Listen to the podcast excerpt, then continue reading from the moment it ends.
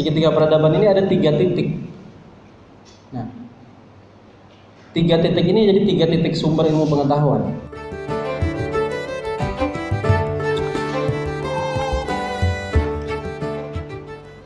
Jadi mulai dari mana ya? Saya udah catat sebetulnya, tapi bingung mau dari mana. Oke, kita mulai dari sumber ilmu. Sumber ilmu pengetahuan sebagai salah satu bahan baku dasar seorang cendekiawan bisa membuat sebuah gagasan. Sumber ilmu pengetahuan ada tiga. Saya lebih senang menyebutnya dengan segitiga peradaban. Segitiga peradaban, bukan segitiga cinta ya, tapi segitiga peradaban. Segitiga peradaban ini ada tiga titik. Nah, tiga titik ini jadi tiga titik sumber ilmu pengetahuan. Pertama yang paling atas kita letakkan Allah Subhanahu wa taala sebagai Tuhan yang Maha Esa menciptakan berbagai macam perangkat kehidupan kita di dunia. Mulai dari sifatnya yang besar sampai sifatnya yang kecil itu Allah yang menciptakan. mulai dari yang kita yang kita bisa berpikir, bisa kita pikirkan sampai yang tidak bisa kita pikirkan, itu Allah yang menciptakan. Dan ini menjadi sumber ilmu pengetahuan. Lalu di sisi kiri atau kanan terserah kawan-kawan meletakkannya. Saya meletakkan di kanan misalkan ada manusia. Nah, manusia ini adalah makhluk yang Allah ciptakan, yang satu-satunya makhluk yang diberikan banyak kelebihan. Yang dia bisa lebih mulia daripada malaikat, tapi bisa lebih hina daripada binatang. Dan dia menjadi sumber ilmu pengetahuan. Yang terakhir di sebelah kiri ada alam semesta. Nah, alam semesta ini menjadi sumber ilmu pengetahuan. Mengapa saya sebut ini sebagai segitiga peradaban? Karena segitiga peradaban ini menjadi sebuah sumber ilmu pengetahuan dengan hadirnya dengan dengan Allah menciptakan seluruh perangkat yang sedang kita sedang gunakan, kita kita memunculkan banyak pertanyaan. Dalam dalam sejarah penciptaan manusia ketika Adam diturunkan ke muka bumi, Allah mengajarkan ini namanya ini, ini namanya ini satu persatu dan itu ter, itu abadi dalam teks Al-Qur'an. Nah, sampai detik ini masih banyak yang Allah ciptakan yang masih belum dieksplor oleh manusia. Misalkan luar angkasa. Ya. Nah, luar angkasa itu sampai sekarang masih menjadi objek penelitian banyak ilmuwan di dunia untuk mendapatkan ilmu-ilmu baru dari sana. Ketika dulu kita tidak tahu ternyata bumi ini punya orbit sehingga kita kirim barang barang ini kalau sampai di orbit ya dia kan juga ikut mutar gitu. Nah, jadi apa yang Allah sampaikan dalam bentuk Al-Quran dan hadis adalah sumber ilmu pengetahuan.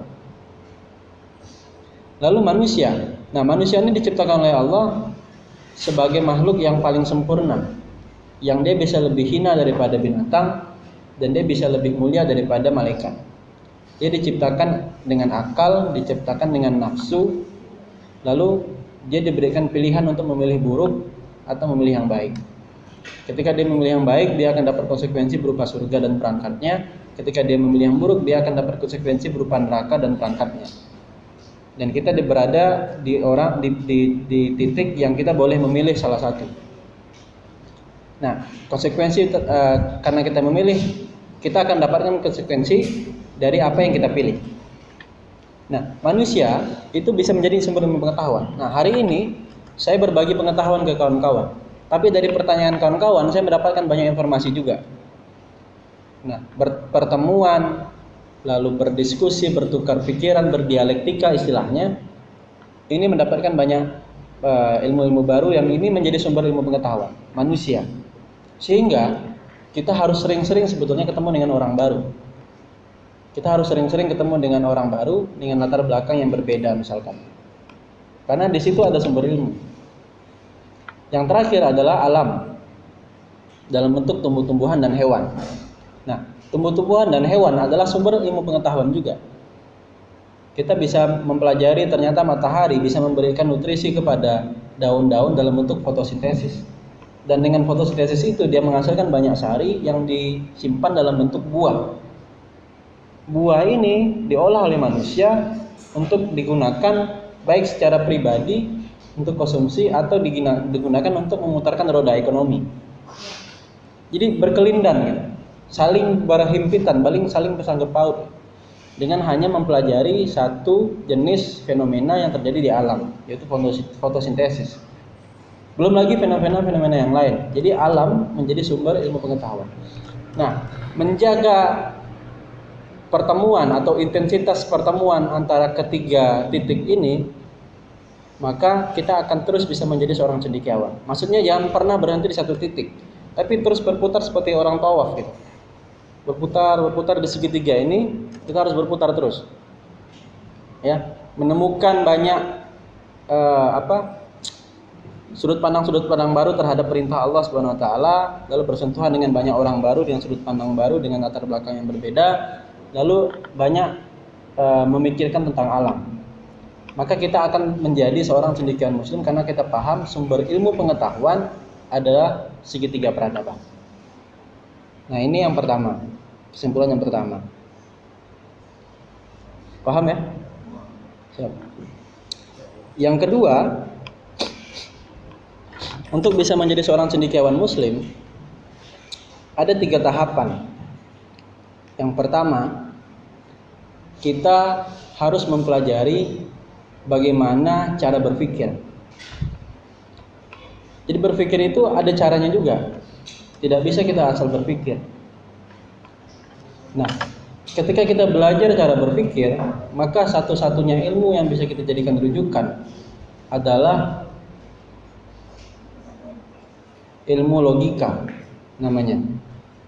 Logika itu adalah eh, apa?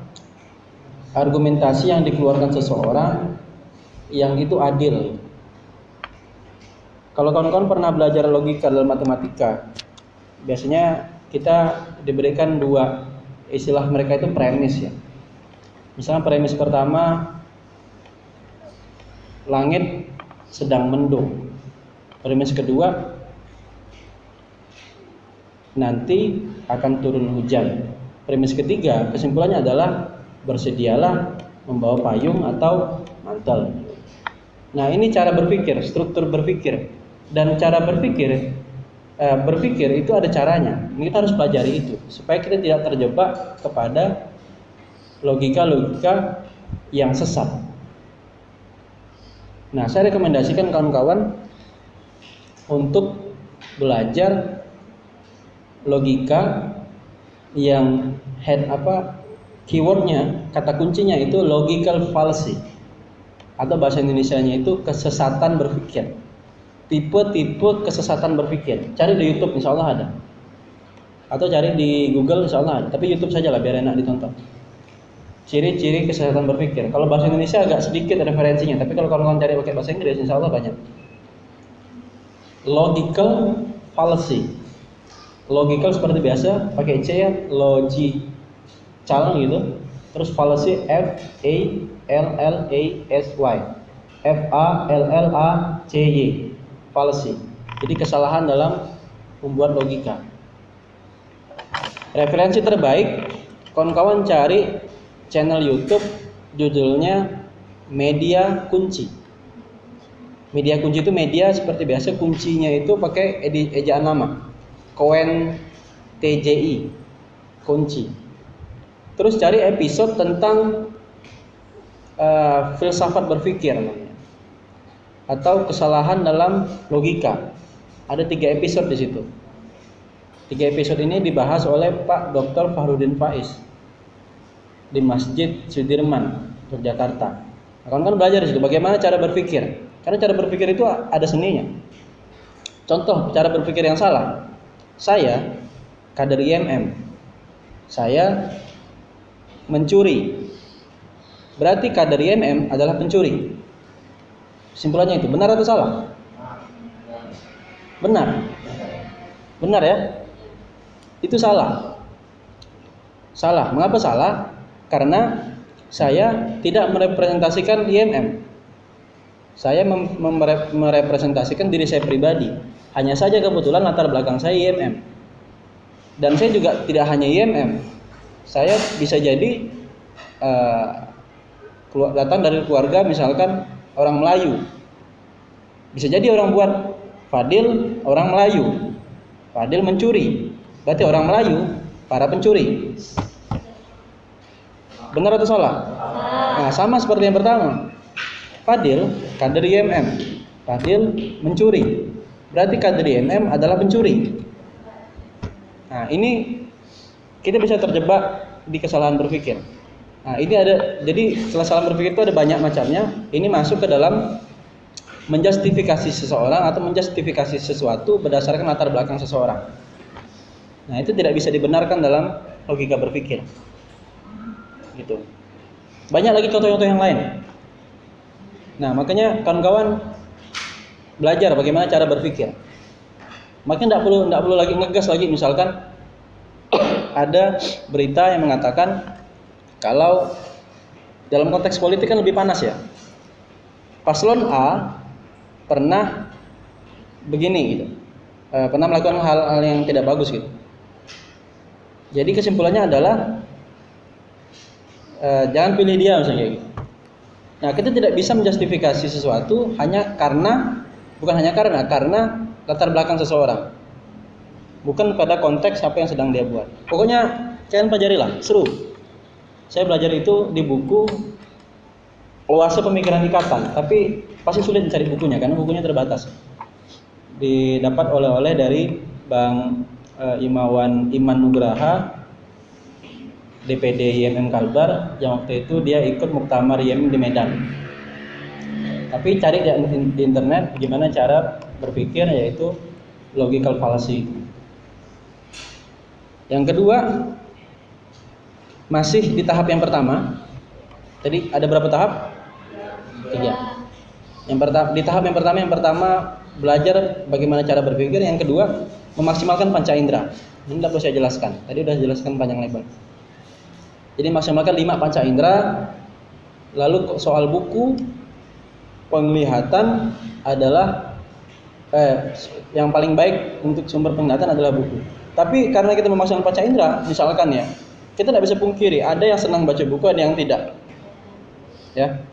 Nah, tapi karena kita itu karena saya sudah mengadopsi masa yang berbeda gitu ya. Kalau dulu saya pokoknya buku, kalau tidak buku tidak bisa. Kalau sekarang memaksimalkan panca indera saja.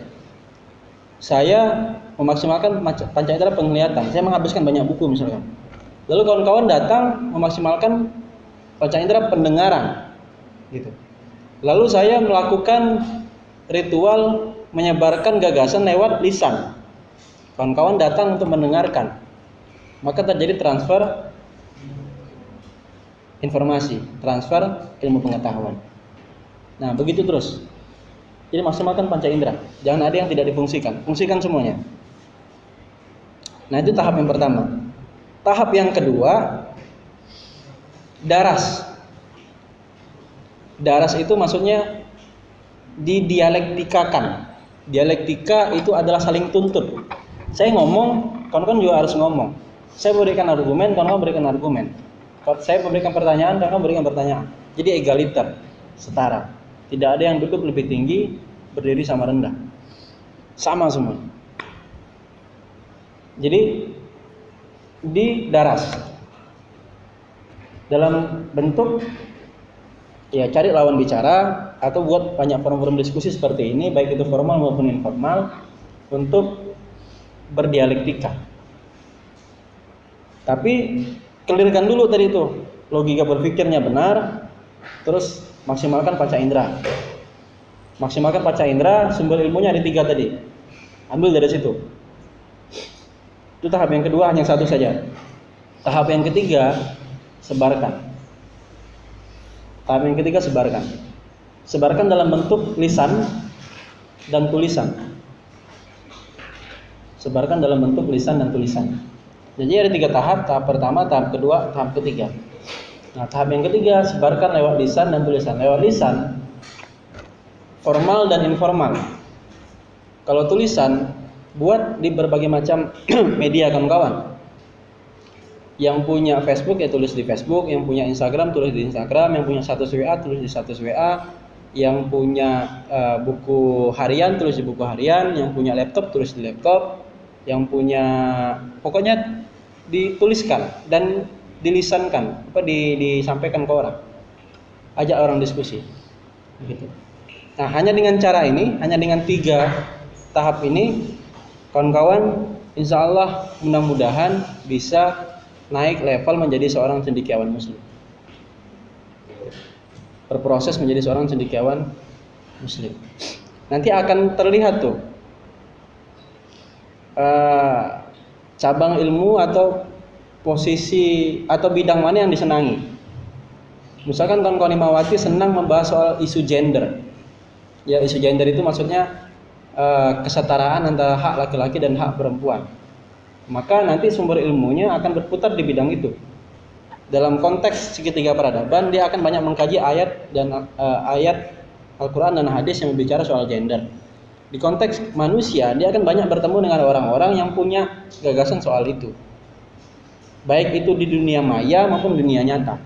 Dalam konteks alam dia akan pelajari kok tumbuh-tumbuhan itu pasti putik membuahi benang sari, eh benang sari ke putik. Terus hewan tidak pernah ada antara hewan laki-laki dengan laki-laki, pasti laki-laki dengan perempuan. Eh, jenis jenis kelamin laki-laki dan jenis kelamin betina. Ada nah, menangkap pesan itu misalkan, ada nah, dapat sumber yang baru. Lalu, nah ini yang menjadi bidang yang dia senangi. Nanti akan muncul ini, akan muncul sendirinya. Kawan-kawan nanti senang di bidang apa, maka kawan-kawan akan expert di bidang itu dan akan menjadi cendekiawan di bidang itu. Dan akan menjadi pakar di bidang itu. Akan menjadi orang yang senang membahas soal itu. Jadi itu kesimpulan yang kedua. Saya mencatat ada empat kesimpulan. Yang ketiga, IMM yang sekarang kita sedang menjadi kader dalamnya hanyalah laboratorium untuk berpikir. Jadi laboratorium itu adalah tempat untuk membuat eksperimentasi, bereksperimen. Coba gagal, coba lagi gagal, coba lagi gagal, coba lagi gagal sampai berhasil. Karena kan tahu arti peradaban? Peradaban. Tahu nggak arti peradaban? Kita sering mendengar ya peradaban Islam, peradaban apa, peradaban apa. Apa Mai? Peradaban. Ini peradaban itu eh, pengembangan masa ya? Penanda sebuah masa. Iya. Oh. Berarti kita sepemikiran ya. Padahal cuma menyelamatkan. Apa peradaban? Kemajuan. Nah, jadi peradaban itu level tertinggi kehidupan manusia. Itu peradaban. Jadi peradaban itu akumulasi. Akumulasi tahu ya? Akumulasi itu apa ya? Akumulasi Hah? Nah, penyatuan. Gini, akumulasi itu gini. Kan kalian tahu bola salju? Bola salju itu kalau menggelinding makin besar kan? Kalau bola salju ini kecil nih, letakkan di atas di atas ya, bukit uh, salju, lalu dia digelinding menggelinding ke bawah. Dia akan menjadi besar, menjadi besar, menjadi besar, menjadi besar, tapi dia butuh waktu dan butuh jarak, butuh pergerakan untuk bisa menjadi besar.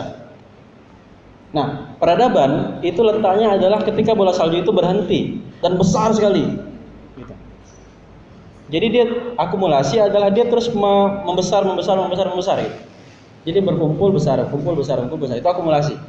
Nah, peradaban itu akumulasi dari kebudayaan. Budaya orang timur, budaya orang barat, budaya Melayu, budaya Minang, budaya Jawa, budaya Bugis. Nah, budaya itu akumulasi dari adat istiadat adat istiadat akumulasi dari kebiasaan. Nah, kebiasaan ini yang bersentuhan dengan kita. Kebiasaan individu. Nah, kebiasaan individu kalau berkumpul dia jadi kebiasaan orang banyak, adat istiadat. Kalau dia berkumpul lagi dengan orang banyak, dia akan menjadi kebudayaan, kebiasaan itu. Kalau berkumpul lagi menghimpun dirinya menjadi sebuah peradaban besar. Nah, gitu. Jadi untuk mencapai peradaban yang jaya, karena kan kita visi kita adalah menjadi negara menjadi umat yang membawa misi baldatun toyibatun warapun gofur di mars kita itu yang lirik terakhir apa ya? Negeri indah adil dan makmur. Ya. Ini bukan bukan bicara paslon ya. Negeri indah adil dan makmur. Nah ini peradaban tertinggi yang harus kita wujudkan bersama. Tapi untuk mencapai ini kita melewati fase kebudayaan, fase adat istiadat, fase kebiasaan. Nah, IMM itu berada di fase kebiasaan. Laboratorium kita untuk melakukan eksperimentasi, berpikir secara benar, secara jernih, lalu menyebarkan hasil pemikiran itu dan nanti akan diadopsi dalam bentuk peraturan yang peraturan itu nanti akan berdampak langsung kepada kehidupan masyarakat. Jadi kawan-kawan harus paham di mana posisi IMM. Posisi MM itu letaknya di laboratorium dan letaknya di kebiasaan. Karena menjadi kader IMM itu ada rentang waktunya. Kader IMM adalah mereka yang lulus DAD atau sudah DAD. Bukan mereka yang sekarang menjabat sebagai struktural. Menjabat sebagai struktural adalah tugas tambahan untuk si kader untuk mengaktualisasikan dan menambah kapasitas dirinya dalam manajerial jadi setelah dia ikut DAD, dia anak IMM, dia kader IMM. Selama dia masih mengiyakan, masih setuju dengan nilai-nilai IMM. Kalau dia tidak masuk dalam struktural, dia kader IMM juga. Nah, ini ada masanya. Masanya adalah nanti ketika umurnya menginjak umur 29 atau 28 tahun. Setelah itu dia harus bertransformasi menjadi kader yang lain. Kader pemuda Muhammadiyah mungkin atau kader Muhammadiyah mungkin gitu. Nah, makanya IMM kita harus sadar sebagai laboratorium berpikir. Kesimpulan yang terakhir, apa yang sedang kita bicarakan tadi, apa yang sedang kita obrolkan tadi, terlepas dari ngalur ngidulnya, kalau boleh disimpulkan dalam dua kata, dua kata ini adalah intelektual profetik. Intelektual merujuk kata intelektual, profetik merujuk ke kenabian bahasa Inggrisnya uh, uh, Rasulullah Sallallahu Alaihi Wasallam itu adalah profet. Profet. Nah, profet ini diserap dalam bahasa Indonesia menjadi profetik, intelektual, profetik, intelektual dengan nilai-nilai kenabian. Atau bahasa kita sekarang cendikiawan Muslim. Nah, intelektual profetik banyak dijelaskan oleh Kunto Wijoyo Kuto Wijoyo banyak menulis buku yang membahas tentang intelektual profetik. Buku manifesto gerakan intelektual profetik yang yang saya rekomendasikan di awal juga membahas soal itu. Ya, intelektual profetik. Jadi ada berapa kesimpulan? Empat. Yang pertama, segitiga peradaban. Ya. Yang kedua, ada berapa tahapan? Tiga tahapan. Tahapan pertama adalah Aha, yang kedua? Ya, tahap kedua? Ya, itu tahap pertama, poin kedua. Tahap yang kedua? Tahap yang kedua?